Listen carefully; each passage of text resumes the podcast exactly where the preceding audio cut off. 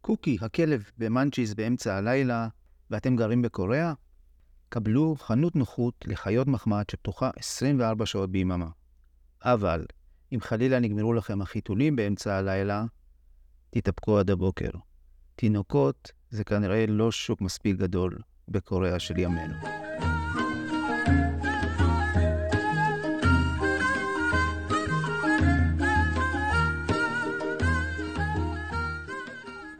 ברוכים הבאים לפודקאסט הקוריאני עם פרק 35, הפודקאסט על אנשים ועסקים בקוריאה.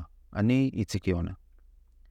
אחד מכל ארבעה בתי אב בקוריאה מחזיק חיות מחמד. אפילו לנשיא קוריאה יש ארבעה כלבים, אבל אף לא ילד אחד. כל הכבוד שהחלטתם לאכול פחות כלבים ואפילו לאמץ כמה, אבל מה אשמים הילדים שלכם? במוקד שלנו הפעם, איך קוריאנים בונים תעשיות חדשות וגם איך נעלם המלח מהמדפים בקוריאה, ועוד עדכונים מעניינים מהשטח. את תמצית העניינים תוכלו לקרוא בירחון קוריאה לעסקים, שמפיקה קבוצת יונאקו, מומחים לעסקים בקוריאה.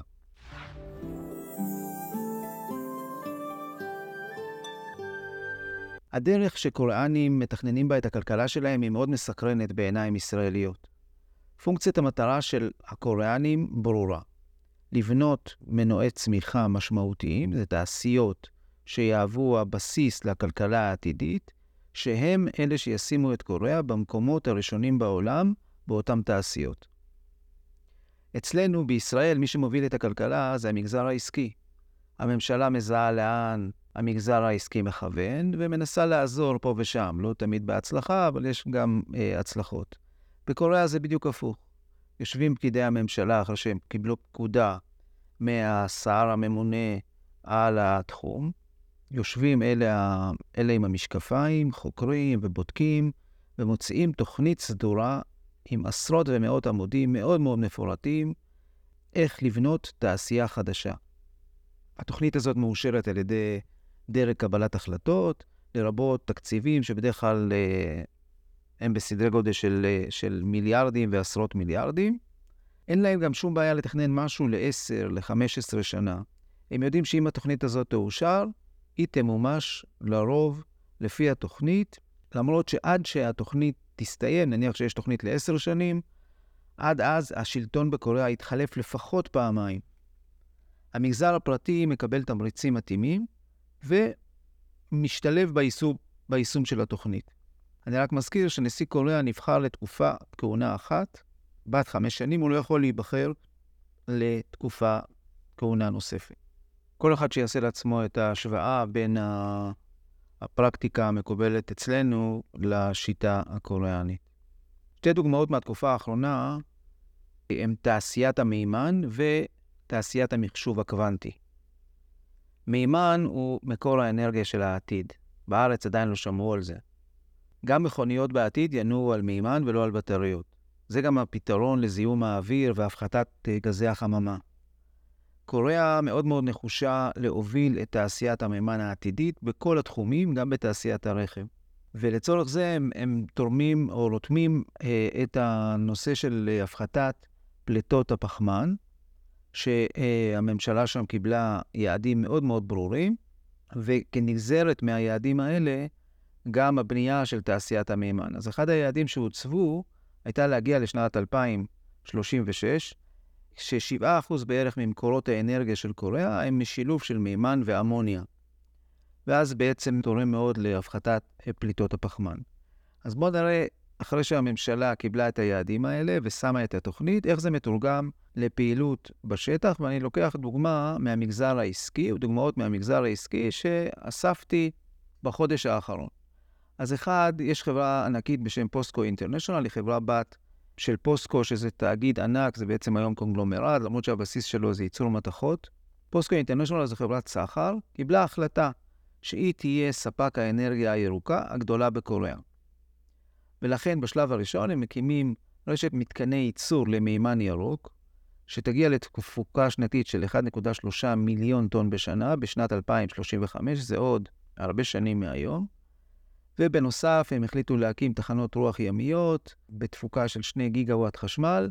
בסך הכל הקציבו בשלוש שנים הקרובות 3 מיליארד דולר לנושא הזה. החברה האם של אותה חברה, נקראת פוסקו החזקות, פתחה במיזם משותף עם סמסונג הנדסה ועוד חברות קוריאניות, הם יקימו מתקן לייצור מימן ירוק באומן, בעלות של בערך 8 מיליארד דולר, על שטח עצום של 340 קילומטר מרובע, זה בערך פי 6 מהשטח של תל אביב. שש שנים הם יבנו רק את המתקן הזה, ואחרי שש שנים הם יפעילו אותו במשך 40 שנה נוספות. מה שמעניין זה שכל התוצרת של המתקן הזה, 220 אלף טון מימן בשנה, יערבבו אותו עם אמוניה וישלחו אותו לקוריאה. ושם זה ישמש כדלק לאנרגיה כחלק מהתוכנית הממשלתית.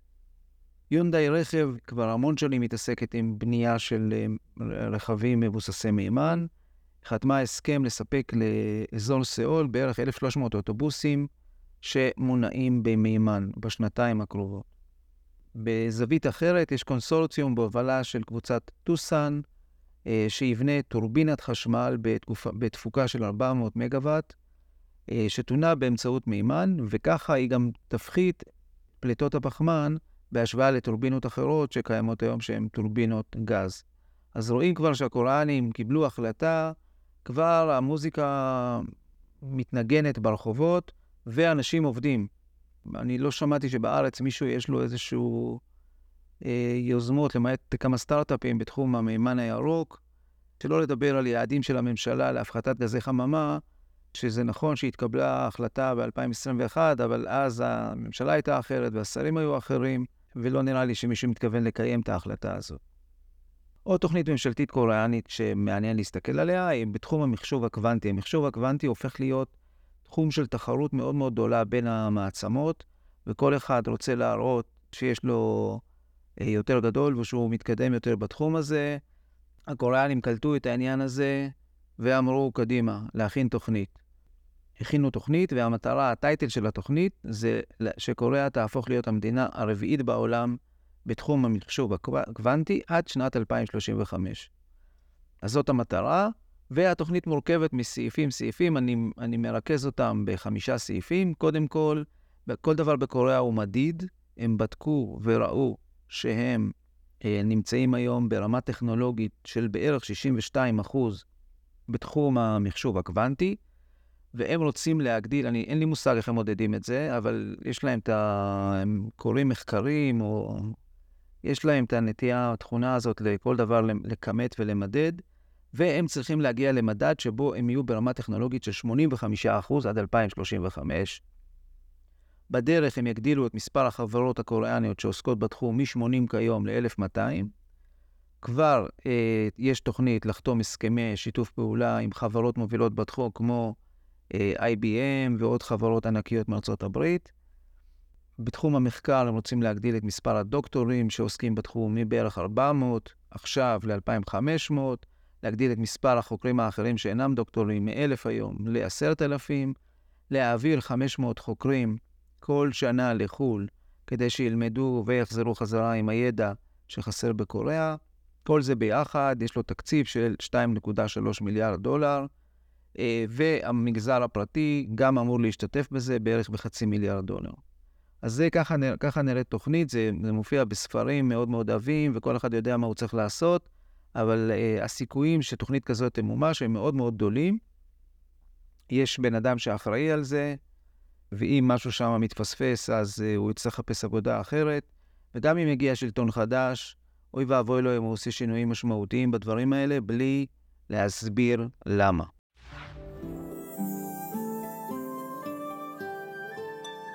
קצת ידיעות בקצרה כדי לאוורר אתכם מתעשיות אה, חכמות ומסובכות.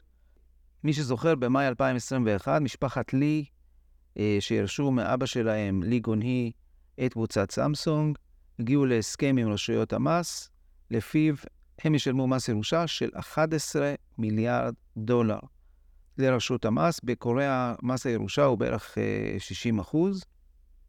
אז זה אומר שהם קיבלו בערך, אה, בירושה, בערך 20 מיליארד דולר. אז הם הגיעו למסקנה שאין להם מזומן, כי למי יש מזומנים בסכומים כאלה? רשות המיסים הקוריאנית פרסה להם את הדבר הזה לתשלומים. השנה, לא מזמן, הם לקחו הלוואה של 3 מיליארד דולר בשביל לשלם את התשלום השנתי הזה. אני רק מדמיין את הפקיד שעשה להם את החשבון ואומר להם, יצא לכם 11 מיליארד לחלק לכם. מי שהיה בקוריאה מכיר את בקבוק האלכוהול הירוק, שנקרא סוג'ו. אה, זה בעצם, אה, אני קורא לו מדורת השבט הקוריאנית. סביב זה הקוריאנים יושבים כל ערב ומעבירים את הימים שלהם, אה, וזה דבר שמאחד כמעט כמו כל קוריאני, זה, זה סוג כמו של חומוס, אם אפשר לדמיין לזה משהו ישראלי. בפעם ה-22 ברציפות, יש יצרנית הסוג'ו המובילה, שנקראת הייט uh, ג'ינרו, הוכרזה כיצרנית הליקר המזוקק הגדולה בעולם. וזה בגלל המכירות שלה אה, של סוג'ו, היא מכרה אשתקד 2.5 מיליארד בקבוקי סוג'ו. בסך הכל נמכרו אשתקד בכל העולם, ש-90% מזה זה קוריאה, בערך 3.5 מיליארד בקבוקים בשנה, שזה בעצם המשקיע האלכוהולי הנמכר ביותר בעולם. היה גם מישהו שניסה להביא את הפלא הקוריאני הזה לישראל, אבל השקיין הישראלי הממוצע לא נראה לי התרשם כל כך מהדבר הזה, זה משהו מאוד מאוד תרבותי. יש סקר שנתי של חברת מרסר שמדרג את עלויות המחיה למי שעושה רילוקיישן במדינות העולם, והפעם יש גאווה קוריאנית. סאול עקפה את טוקיו והתמקמה במקום התשיעי בערים היקרות ביותר לרילוקיישן. אז השאלה היא באמת היום, אז יש גאווה קוריאנית, השאלה אם באמת כדאי כלכלית למשל לעבור מתל אביב לסאול? התשובה היא כן, כי תל אביב דורגה במקום השמיני והיא הרבה יותר יקרה מסאול. אז uh, מי שרוצה לעשות את המעבר, uh, מוזמן אולי עד שיגמרו המהפכות המשפטיות. היפנים הודיעו שהם קיבלו אישור של הסוכנות לאנרגיה אטומית לשפוך מים מזוהמים שהצטברו בתחנת הכוח uh, בפוקושימה לים. הים זה אותו ים שמפריד בין קוריאה לבין יפן. הקוריאנים שמעו את הדבר הזה, נכנסו לחרדה טוטאלית. איך זה בא לידי ביטוי בין השאר? הם הגיעו למסקנה שבעצם כל המלח שלהם מגיע מהים, ולכן כל המלח שהם יקבלו אחרי שישפכו את הדבר הזה לתוך המים, יהיה מלח שהוא יהיה מזוהם רדיואקטיבית, ולכן כל נשות קוריאה התנפלו תוך יום או משהו כזה על, על המדפים ורוקנו את כל המלח מהמדפים. הם, uh, דיברתי עם כמה בנות, הן אומרות, אפשר אולי לחיות בלי דגים, אבל בלי מלח, איך נכין קימצ'י? בכל מקרה, יש פה הזדמנות עסקית למי שמחזיק מלאי של מלח, למרות שלדעתי יש פה עלויות הובלה מטורפות. אבל בינתיים הקוריאנים, הממשלה שחררה מלח ממחסני החירום שלהם, הם פועלים uh, למתן את הזעם הציבורי בכל מיני אופנים, כדי שהעסק הזה יירגע. בכל מקרה, תמיד בקוריאה, יפן זה מדינה שכיף לכעוס עליה. כלומר, לא משנה מה שהם יעשו, תמיד ימצאו סיבה למה הם ראויים לזעם ציבורי או אחר קוריאני. עוד בתחום מוצרי הצריכה, אטריות רמיאן, או מה שנקרא ביפנית רמן, זה אטריות להכנה מהירה, זה מוצר צריכה בסיסי בקוריאה. זה גם מוצר מאוד ממכר, דרך אגב.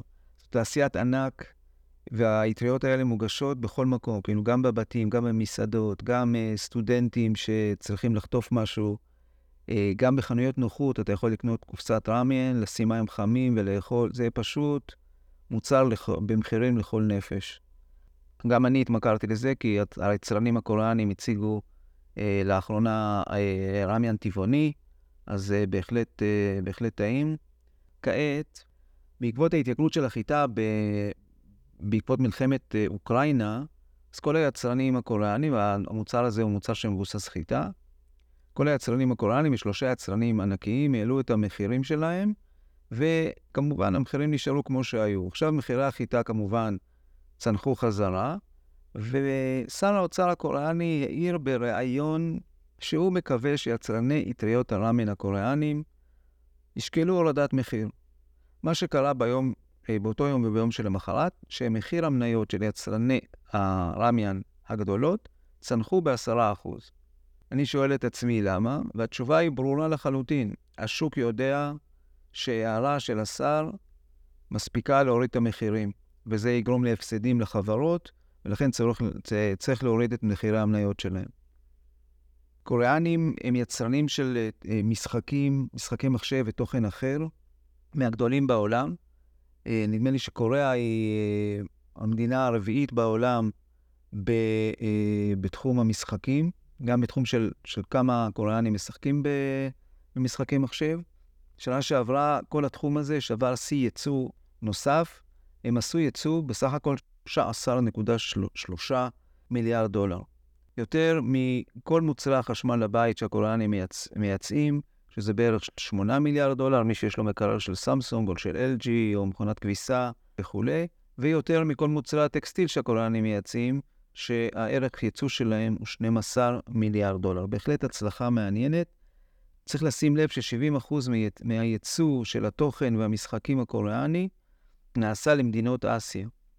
אפילו היפנים, שבמשך שנים לא ככה אהבו לשחק במשחקים קוריאנים, נשברו לאחרונה אחרי שהקוריאנים למדו את הטעמים היפניים ושינו את המשחקים לטעם היפני. אה, ויש היום כבר משחקים אה, שהתברגו בדירוגים בעשירייה הראשונה של המשחקים ביפן.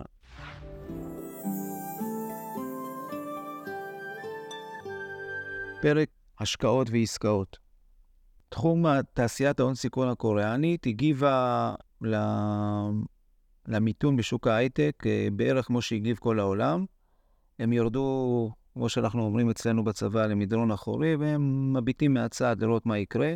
במחצית הראשונה של השנה, היקף ההשקעות של הון סיכון בחברות קוריאניות ירד בערך ב-70%, לעומת uh, התקופה המקבילה ב-2022. Uh, מי שחטף יותר חזק זה תעשיות הביוטק והפארמה, ששם הפרופיל הנתפס של הסיכון הרבה יותר גדול.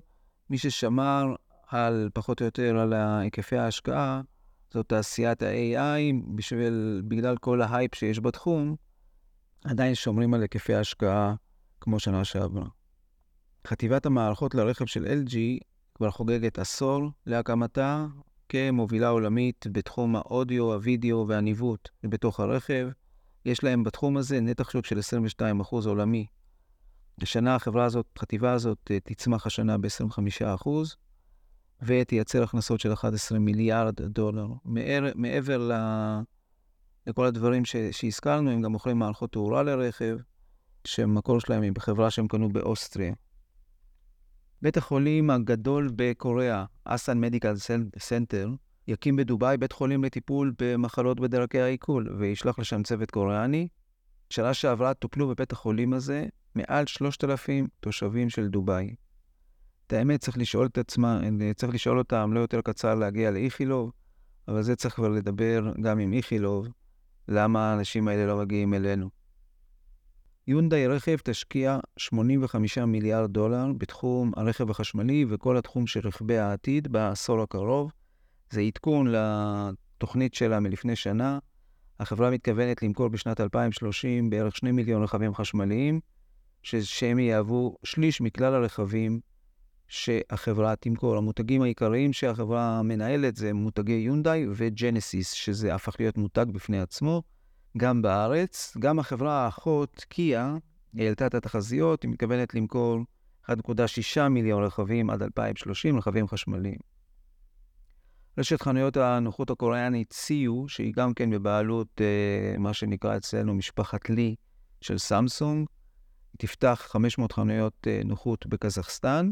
המטרה היא פשוט להתרחב למדינות השכנות במרכז אסיה. קזחסטן נבחרה בשל הפופולריות של הפופ הקוריאני במדינה. אם אתם זוכרים, ב... בתחילת משבר הקורונה, ממשלת קוריאה יזמה מיזוג בין שתי חברות התעופה הקוריאניות, קוריאן אייר ואסיאנה. המיזוג הזה זה מיזוג ענק של, למרות קוריאן אייר היא בערך פי שתיים מאסיאנה, אבל עדיין זה מיזוג ענק של שתי החברות שנותנות טיסות סדירות בקוריאה. המיזוג הזה תקוע בשל התמשכות הבדיקות של רשות התחרות האירופאית ורשות התחרות האמריקאית. בקיצור, זה, זה נראה כאילו זה תקוע.